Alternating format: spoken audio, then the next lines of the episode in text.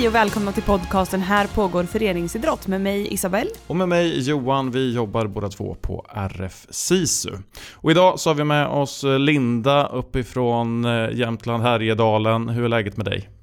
Jo men det är fint tack, det börjar äntligen lukta snö här uppe faktiskt. Det är lite flingor i luften. Eh, och skidgalen som jag är så blir jag ju väldigt taggad och glad. Vad härligt, jag avundas eran eh, tidiga vinter. Ja, det borde du göra. Ni får komma hit och hälsa på. mycket gärna, mycket gärna. Um, idag uh, så har du träffat en uh, hockeyprofil. Eh, men jag tänker säga det på en gång här nu att ni, ni som hör hockeyprofiler tänker jaha, då var inte det här avsnittet för mig. Eh, jag tror att det här är ett ämne, eller jag vet att det här är ett ämne som är väldigt aktuellt för alla som har någon typ av ledarroll i vilken idrott som helst egentligen. Sen så kanske själva problematiken ser lite olika ut, men jag tror att det är ett avsnitt som man ska eh, verkligen ta till sig ändå, oavsett vilken idrott man håller på med. Vem är det du har träffat, Linda? Ja, men jag har träffat det tidigare hockeyproffset och landslagsspelaren Jonathan Hedström, eh, som under stora delar av sin aktiva karriär har lidit av ätstörningar eh, i det tysta. Eh, I nästan halva sitt liv eh, har det här varit en problematik för honom. Eh, väldigt det var ett svårt samtal eh, måste jag säga, även om han känns, han är så öppen och ärlig och väldigt modig skulle jag säga, som eh, vill dela med sig av sina erfarenheter kring det hela. Det är ett ämne som är ganska tungt, eller väldigt tungt såklart för de som har varit drabbade och är drabbade och även för anhöriga och folk runt omkring. Eh, så jag kan förstå att man nästan blir lite fundersam eller rädd själv. Vilka frågor kan man ställa och vad är, hur ska jag förhålla mig till det här?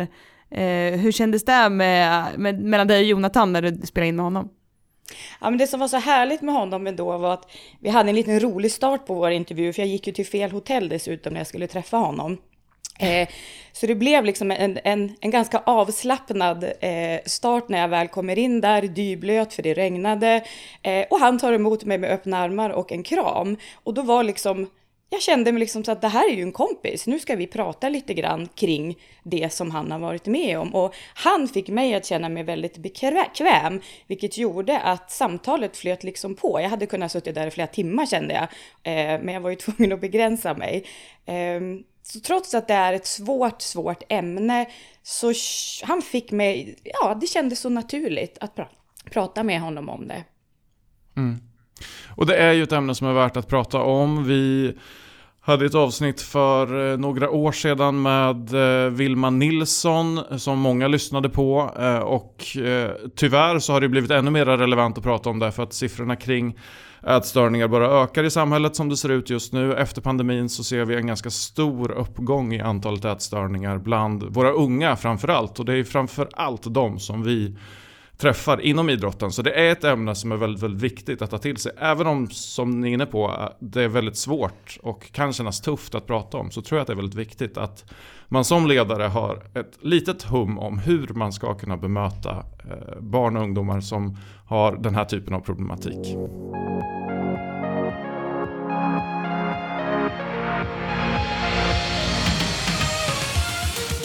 Hej och välkommen säger jag till dig, Jonathan Hedström, som är vår gäst den här veckan. Välkommen! Tack så hemskt mycket! Är det Jonathan eller Jonte som gäller? Vad föredrar du? Jag tror mamma säger Jonathan och resten säger Jonte. Ja. vill du att jag ska säga Jonte? Ja, ingen roll. Du får säga vad du vill. Tack. Tidigare hockeyproffs, mm. eh, landslagsspelare, som under stora delar av din aktiva karriär och egentligen halva ditt liv mm. har lidit av ätstörningar. Det är ett tungt väldigt viktigt ämne som vi har framför oss idag. Men innan vi fördjupar oss lite mer i det här då. Idag så föreläser du ju om ja, men bland annat psykisk ohälsa och ätstörningar. Varför är det viktigt för dig att prata om det här och dela med dig av din erfarenhet? Um, jag tror nu efter fem år så börjar jag nästan förstå att det är väl någon form av terapi också för mig själv. Uh, men sen att dela med sig.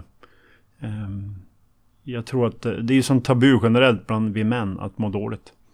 Eh, och då kanske man flyr andra saker istället. Så jag tänkte om man vågar prata om saker så kanske fler personer vågar ta hjälp mm. och öppna upp sig. Mm.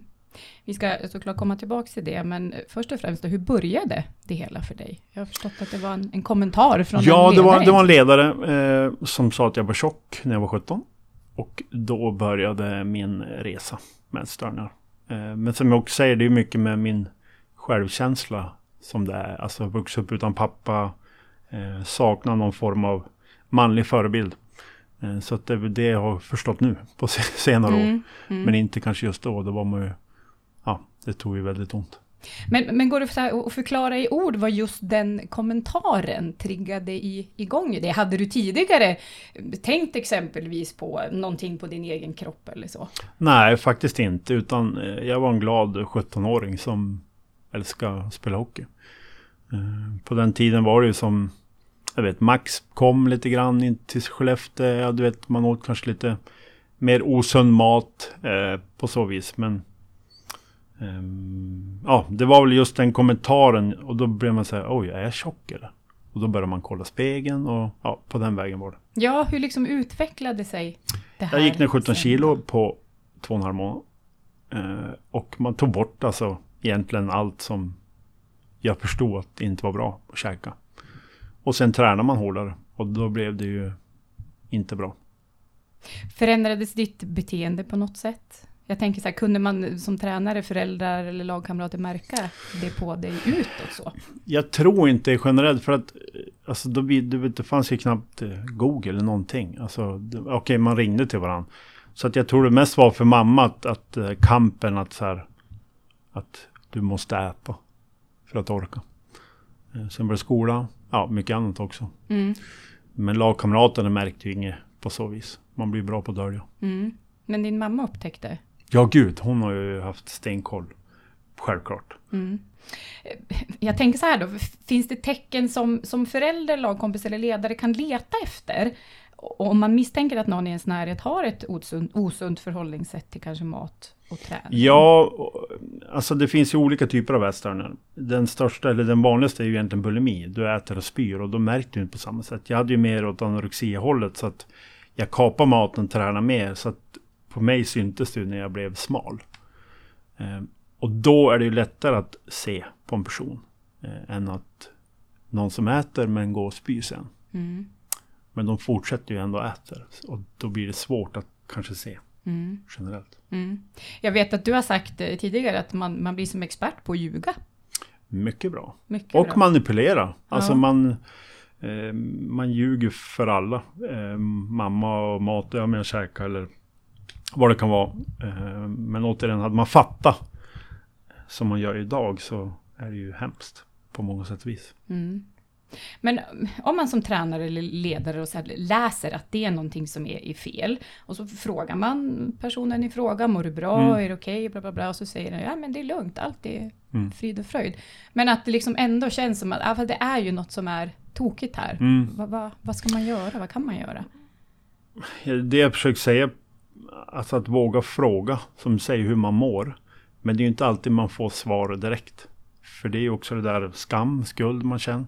Eh, Men en ledare har ju ganska bra koll generellt. Eh, Och sen har ju varit mycket det här med vikthäst som ja, fettmätningar i hockey. Det kan ju också trigga vissa människor. Att så här, okej du, du är för tjock, du måste gå ner i vikt. Så har det ju varit jämt i hockey. Och det är ju sjukt nu när man Ja, jag tänker. skulle säga, vad anser du om det? Nej, det är ju hemskt. liksom. Alltså det är ju hemskt. För det blir att man jämför sig. Mm. Det sätts upp en lista. Jonathan är 87 kilo och 12% fett. Bla bla bla. Så går det neråt. Och då blir det så här. Jaha, han har bara det. Hur gammal är man när man gör det här?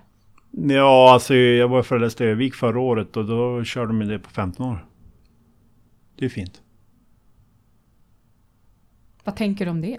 Nej, det är för jävligt. Alltså, och, och, jag vet inte vart den här vikthetsen har kommit generellt. Att så här. Jag vill spela med Peter Forsberg som var världens bästa. Alltså ser man hans kropp, det är så här. Ja, ser ut som en vanlig person. Alltså det sitter ju inte hur, om du har rutor eller om du har stora biceps eller det är ju vad du presterar.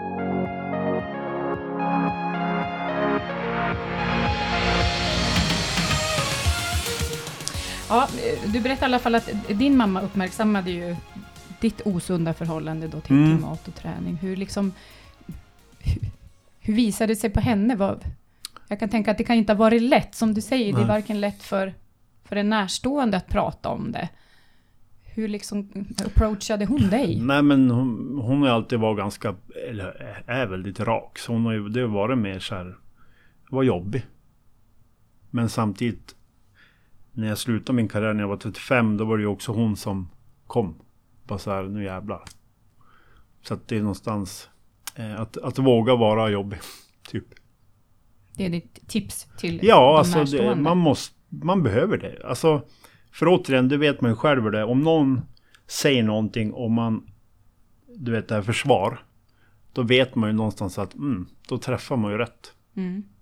Och det kan ju vara vad som helst i livet. Men jag tycker ganska tydligt tecken på, om du inte har något att dölja så behöver du inte ja, attack eller försvar. Mm. Kände du någonstans under alla de här åren att ah, oj, de har nog rätt? Eller eh, tyckte du själv liksom att vadå? Jag, Jo, gud, alltså man, eh, man fattar ju någonstans där inne. Men alla timmar man har stått framför spegeln, vägt sig. ehm, det är så sjukt. Nu när man tänker tillbaka, det är ju hemskt. mm. Ja, i, i närmare 20 år kämpade Mm. du med ditt mående och, och ätstörningar. Hur lyckades du till slut vända det här dåliga måendet och dina osunda vanor då kring mat och träning och komma därifrån till det där till Det- du är idag? Ja, det är ju många, eh, som sagt vissa år var ju också bra. Ehm, när man kanske inte brydde sig. eh, Ja, du vet, man mår bra mentalt. Men det var ju faktiskt när jag slutade hockeyn, då kände jag att nu kan jag gå ut med det. Jag vågar inte när jag spelar. Vad var det som gjorde att du inte Nej, men jag tror det är rädsla, kommentarer. Eh, vad, ja, så. Mm. Jag vet att du har sagt i någon tidigare intervju jag har hört med dig att du är en väldigt känslig person. Ja, eh, alldeles för känsligt tror jag ibland. Men Ja. samtidigt var jag också en på isen som eh, gastade och gapade och skrek. Och jag ju också varit en del av den här kulturen. Så att jag sitter inte och säger något annat. Men, och det var därför jag visste att så här, jag går ut med det här när jag slutar. för annars kommer de äta upp mig. Tror du att du skulle ha tagit åt dig? Ja, det blir så. Jag menar, eh, kommentarer spelar in. Men det tar ju, det gör ju ont. Hur den vrider vänder på det. Mm. Ja, vi var inne på det i, i- början här. Att det är väldigt, väldigt viktigt att prata om hur man Mm. mår. Ja, exakt. Varför Hur- ska det vara svårt? Ja, jag tycker, hur pass viktigt anser du att det är? Jag tänker både hemma och på, på träningar kanske. Att våga berätta hur man mår. Jätteviktigt. Jätteviktigt. Ehm, och det där tycker jag, med att jag är i en förening nu i Huddinge, ehm, att det är nästan mer viktigt att här, fråga ungdomarna och föräldrarna så här, hur, hur mår vi? För det är så fokus på prestationen, men man glömmer bort människan. Mm. För mår du bra presterar man ju bra. Det spelar ingen roll vilken ålder du är i. Men det är sånt fokus idag på bara prestera. Och då glömmer vi bort kanske det viktigaste, Mm. människan. Vad tror du att 17-åriga Jonte skulle säga om någon tränare började fråga honom där hur han mådde? Ja, då hade det nog kommit det ena och det andra.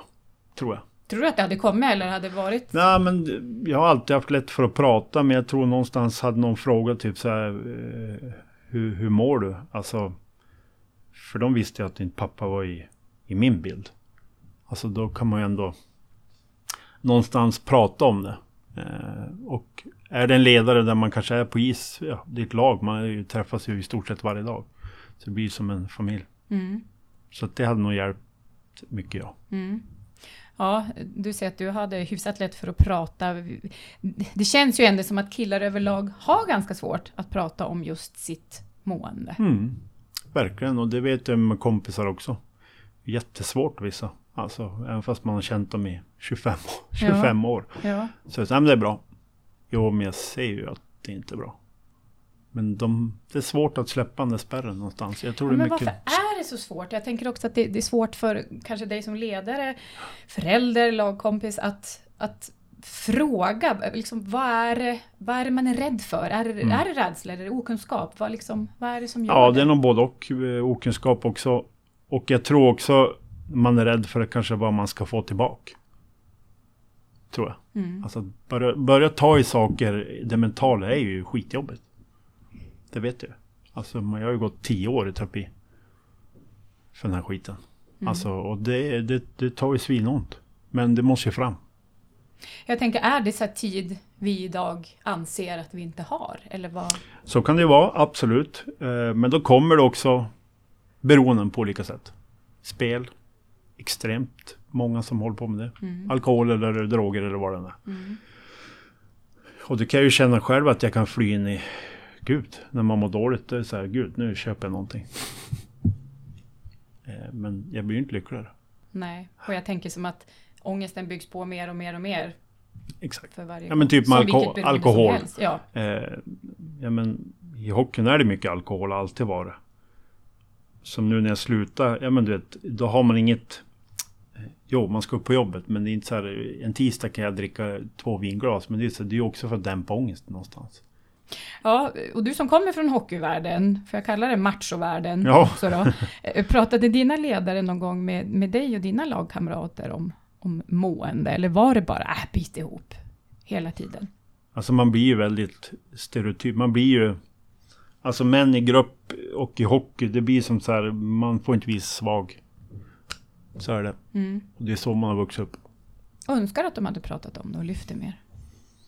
Ja men absolut. Och det hade nog... Jag hade behövt det också. För jag var ju också den där macho-killen. Eh, och skulle vara tatuerad och vara på ett visst sätt. Och gjort så många fel längs vägen. Och det är ju skittråkigt. Mm. Men... Ja. Jag tror att ditt mående hade kunnat tagit en annan riktning än vad det faktiskt gjorde om ni hade pratat om det mer. Ja men då kanske man hade fått hjälp tidigare. Eh, generellt. Sen har jag spelat med dem som har spelat bort allt de har Mm. haft under 20 år. Och det är ju det är samma typ av beroende som jag har haft. Det är bara olika. Det går åt olika håll.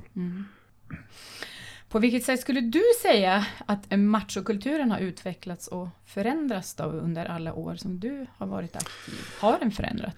Ja, men den går ju åt rätt håll. Det är ju inga inkilningar idag som det var förr. Ehm, De unga är ju bättre på att prata. Generellt. Ehm, Så där är det ju, de kräver ju mer feedback idag generellt ungdomar än kanske man behövde själv. Så det tycker jag är jättebra. Ehm, Men sen är det ju, finns det ju alltid ledare kvar som är lite old school och ska trycka ner en och penalism och skit. Och det tror jag är svårt att få bort helt. Ser du mycket sånt själv? Ja, fast nu är det lite på andra sätt. Kan jag tycka. Alltså de eh, gör det smartare idag. Istället för toppning som det var då. Idag kallas det nivåanpassa. Men de är nio år. Vad du nivåanpassa med nio år för? Så att de hittar ju alltid nya sätt de här ledarna som ska någonstans ja, eh, vara i den här maktpositionen. Tyvärr. Ja, och någonstans vill man ju inte tro liksom att, att människan av naturen är elak så. Jag tänker på ledaren som sa till dig att du var tjock. Mm. Tror du att den ledaren själv tänkte på vad den egentligen sa till dig? Nej, och, jag, och det försöker jag säga åt ungdomarna. Just ord kan ju göra så otroligt ont. Eller en text. Ehm, och, och där har jag också mycket jag sagt på isen. Jättedumma saker. ehm, till, till många motspelare. Mm. Som man tänker såhär, och usch, vad sa jag egentligen? Men är just det här värdegrund, tänker jag, någonting som man borde lyfta mer i föreningslivet och, och prata med unga om hur man pratar med och till Mm. varandra? För, för jag tänker att språkbruket idag, om man jämför exempelvis på, i, på hockeyisen och kanske en bandyis, där är det ju skillnad, Ja, fast det är gud. väldigt lika sporter så ändå. Fotbollen, Ja. innebandyn. Ja. Det är ju hockeyn är något speciellt. Den kulturen är, den är väldigt tuff. Ja, tänkte, hur, hur, hur skulle man kunna jobba då för att få in mer kunskap? För det känns ju som att det är kunskapen som saknas kring psykisk ohälsa, prestationsångest och vad det kan leda till. Hur kan man få in det här i idrottsvärlden och föreningslivet? Ja men det är ju framförallt eh, att vi lägger extremt mycket pengar på fys. Alltså ja, PTS eh, fystränare men inte på den mentala biten. Så där skulle man egentligen rikta mer pengar på mentala coacher. Jättebra. Ehm, och det ser man ju bara på Stig Wiklund från Sundsvall som har hjälpt, ja men allt från Johan Olsson till Marcus Eriksson. Det är så galet viktigt. Generellt. Mm. Och tänk att få börja i tid. Inte kanske när du är på väg in i eliten, men att du får börja kanske när du är 15. Vilken skillnad. det blir i tänk. Så mer fokus på mentalt. mental träning än fysisk, fysisk träning egentligen. För det är så, det, det fysiska är ju så någonstans lätt. Förstå mig rätt, det, det har ju alla gjort och det finns extremt många duktiga fystränare där ute. Men just den mentala biten är ju... Det är ju hur många kör det? Inte många lag. Jag tänker så här, är det här någonting man kanske kan lyfta in i dagens tränarutbildningar Mm. för att öka kunskapen just kring Det tror jag också. Men när man är på eh, så här, hockeyträffar där jag kommer ifrån så det pratas ju bara så här, hur ska vi bli bättre hockeyspelare? Nej, Vi ska nå det här målet 2030. Men prata aldrig mentalt. Aldrig. Det är inte ens, kommer inte ens upp i... Det är bara hur ska vi dribbla, hur ska vi bli bättre, snabbare, starkare. Men aldrig mentalt.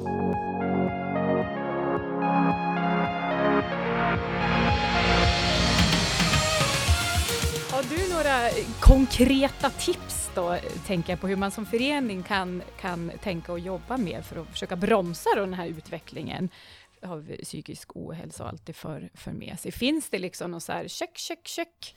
Om det vore så enkelt kanske. eh, Alltså det är en röd tråd i föreningen. Från styrelsen ner. Och sen utbilda tränarna. Alltså ledarna. För det är ändå de som sköter isträningen i, i hockeybiten.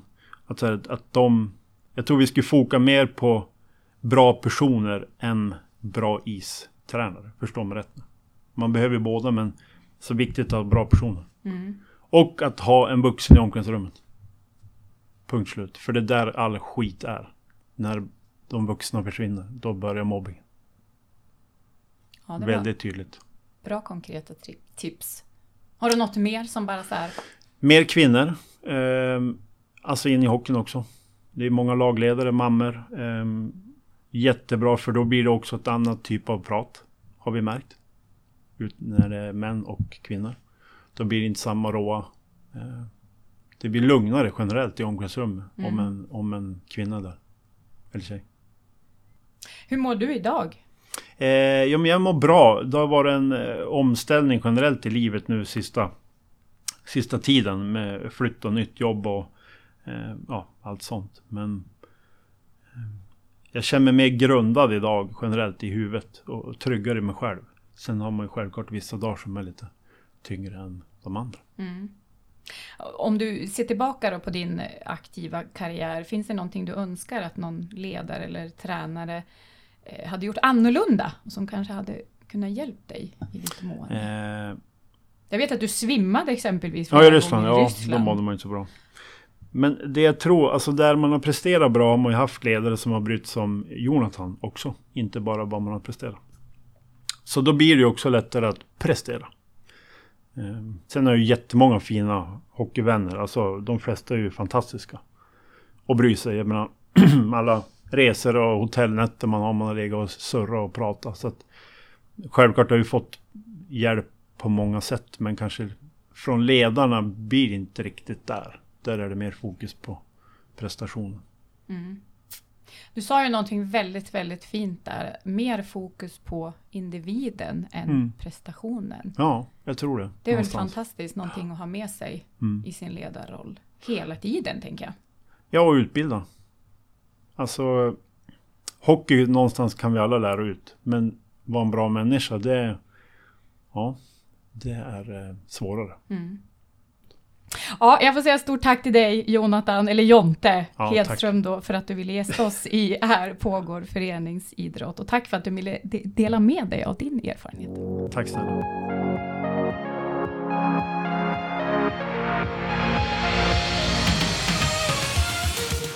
Och då bollar jag direkt över till dig Linda och frågar vad tar du med dig från ert samtal? Eh, ja, men det jag mest har med mig tror jag är det han nämner här på, på slutet, hur viktigt det är att lägga fokus på individen, mer fokus på individen än på själva prestationen. Att verkligen se varje människa, varje individ du har på exempelvis hockeyplan eller om det är fotbollsplan eller skidspåret eller vart det nu är. Hur, nu är. Eh, och hur viktigt det är att våga ställa frågan hur någon annan människa mår. Ehm, det är någonting som jag tänker att jag ska ta med mig oavsett i, i vardagen. Att våga fråga mer hur man mår. För precis som han säger, även om jag kanske inte får ett svar på en gång. Fortsätter jag att våga vara jobbig, ja men då kanske jag till slut kan få en annan människa att våga öppna upp sig. Mm, och ni är inne på det också eftersom eh, Jonte har varit mest, eh, eller har bara varit aktiv inom ishockey där det är en väldigt stor del eh, killar som är aktiva. Just att den där frågan kanske är ännu viktigare för att det är en fråga som man inte får lika ofta som kille. Och man kanske inte har övat lika mycket på att faktiskt tala om hur man mår eh, generellt som kanske tjejer gör. Och jag tror att det där är jätte, jätteviktigt att försöka få med Eh, och uppmuntra eh, liksom, killar att våga prata om hur de mår och förstå att det också har bäring i deras prestation som kanske är det som motiverar dem mest. Att de vill bli bättre på eh, där de gör den idrotten de utövar. Men att få, få dem att förstå att så här, men hur jag mår kommer spegla sig på eh, banan eller planen eller i skogen eller vart jag nu är och utövar min idrott. Eh, förstår man det så tror jag att man kanske också förstår värdet av att börja reflektera kring hur mår jag, vad kan jag göra för att må bättre och så vidare. Och det är ju oavsett vad det är för problematik man är drabbad av och om jag ska göra en liten ja, kalla det för cliffhanger eller en liten tease inför ett kommande avsnitt eh, så kommer vi att prata lite grann om barn som växer upp i en otrygg hemmiljö. Eh, och där pratar vi också mycket om eh, alltså samma problematik beroende på vad det är som gör att jag mår psykiskt dåligt eller inte har en bra självkänsla eller vad det kan vara. Vikten av att ställa frågan om och om och om igen för att jag kanske heller inte när jag mår dåligt eh, oavsett om det är kroppsligen eller psykiskt, vet, vet hur jag mår. Alltså jag vet inte hur jag ska, beroende på hur gammal jag är också såklart, hur jag ska uttrycka mig. Eller jag vet inte hur jag ska formulera den här stora saken eller det här som jag bär på som ingen kanske riktigt har insyn i. Eh, så vikten av att fortsätta att bry sig och ställa frågan. Eh, utan att vara såklart för påfrestande. Man får ju inte ställa frågan tills man får ett svar eh, på väldigt kort tid, men att man fortsätter att visa att här, här finns jag och jag kommer bry mig. Ja, det är nog väldigt viktigt, för precis som Jonte sa också, han förstod ju inte när det hela, hans ätstörningsproblematik började, så förstod ju han inte då vad det egentligen grundades i. Det har han ju förstått 20 år senare. Och precis som du säger, det är super, superviktigt tänker jag då, att fortsätta vara jobbig då eller tjata och fråga hela tiden. Och hjälpa, tänker jag, de andra att försöka hitta ord, att sätta ord på ens mående. Mm. Eh, Jonte är också inne på det när han listar upp några olika delar som han tycker är viktiga för ledare att tänka på. Att en av dem är att utbilda ledare. Och det tycker jag också då i de här sakerna att vi måste få ledare att känna sig bekväma med de här frågorna också. Med mental träning som det till stor del handlar om. Eh, men också kanske hur man då kan ha ett samtal på ett bra sätt och var man kan vända sig ifall det kommer upp saker som man inte klarar av att ta det själva. Eh, och där tror jag att det blir um, ja, men, eh, stor vikt av föreningen att man faktiskt lägger den tiden på det också. För det är inte säkert bara för att man är tränare att man är trygg med de här olika delarna. Han är inne på det att han vill få in fler kvinnor som tränare i, inom idrotten. Eh, och som jag var inne på tidigare, generellt är ju tjejer eh, och kvinnor oftast bättre på att prata känslor än vad, än vad killar och män är. Eh, men vi, måste, vi kan inte ge upp männen heller, utan då att se till att utbilda dem och försöka hjälpa dem att hitta ett sätt att kunna vara den här stöttande ledaren eh, mot sina aktiva på ett bra sätt. Eh, det måste vi också ge dem förutsättningar för. Vi kan inte bara ställa de kraven utan att liksom hjälpa till på vägen. Eh, så det tror jag är viktigt att man som föreningsrepresentant funderar kring. Hur kan vi se till så att våra tränare får bästa förutsättningarna för att faktiskt vara ett stöd mot alla de aktiva vi har i vår förening. Och där vill jag skicka med eh, ett eh, tips om ett material som finns, som vi alltid presenterar i eh, bland annat grundutbildning för tränare, som är vårat steg 1-utbildning kan man säga inom RF SISU, där vi utbildar tränare att använda ett material, eller ett eget material funkar lika bra, men där man lär känna sina aktiva. Man har någon form av utvecklingssamtal, eller kvartssamtal, eller kalla det vad man vill, kanske två gånger per år, bara för att höra av, stämma av vad är det som gör att du tycker att det är roligt att vara här? Vad gör du på, annars på fritiden när du inte är här? Eh, prata lite om skolan, prata lite om hur ser din familj ut eller prata om hemmet i väldigt enkla former. Bara för att dels bygga en relation såklart men också för att få en kännedom om vad, hur fungerar den här personen utöver när vi är här på planen eller i hallen eller arenan. Eh, och vi pratar väldigt mycket om att se människan och inte bara idrottaren. Eh, och det är ju viktigt oavsett. Eh, och det kan vara lätt att se någon som mår dåligt som kanske blir utåtagerande eller som blir den som förstör eller som söker uppmärksamhet. Så titta på mig eller märk mig. Men det, eftersom att det kan te sig eller visa sig på så många olika sätt så är det ju jättesvårt för en ideell ledare att veta är det här någonting jag behöver uppmärksamma? Eller är det bara någonting jag behöver justera om ni, missför, eller om ni förstår vad jag menar med det. Ja, och jag vill slänga in ett annat tips också. Eh, Kopplat till det egentligen eh, så har ju Folkhälsomyndigheten en utbildning, en digital utbildning som heter Ledare som lyssnar och det är ju ett jättebra sätt att liksom se till att kompetensutveckla sig själv kring att kunna ta de här samtalen på ett bra sätt och kanske också se saker utan att man har samtalen. Eh, vi har ett poddavsnitt om det här också som kom för ett tag sedan, jag vet inte vilket nummer det är exakt. Eh, men det avsnittet eh, kan man absolut lyssna på men ännu hellre genomgå Folkhälsomyndighetens eh, digitala utbildning kring ledare som lyssnar. Hörni, det här är ju ett ämne som ni var inne på. Det är svårt att prata om, men det är ju också otroligt viktigt. För här blir ju idrotten riktigt, riktigt meningsfull ifall vi kan fånga upp de här individerna och få dem att faktiskt må bättre. Det är det jag tror på, det jag tror att idrotten kan göra. Så jag hoppas att många av er som lyssnar på det här inte känner er nedslagna av det utan känner att ja, men nu har jag fått lite nya verktyg eller lite ny motivation att faktiskt ta tag i de här frågorna eh, i, dag, i det eh, sammanhang som jag finns kring idrotten. Så tack Linda och tack såklart till eh, Jonathan för ert samtal.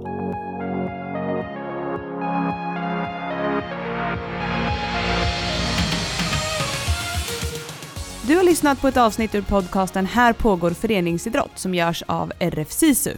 Vill du komma i kontakt med oss som gör podden? Gör det enklast via vårt Instagramkonto. Där heter vi, precis som podden, Här pågår föreningsidrott i ett ord. Annars kan du också mejla oss på podd rfsisu.se. Vi hörs igen nästa avsnitt.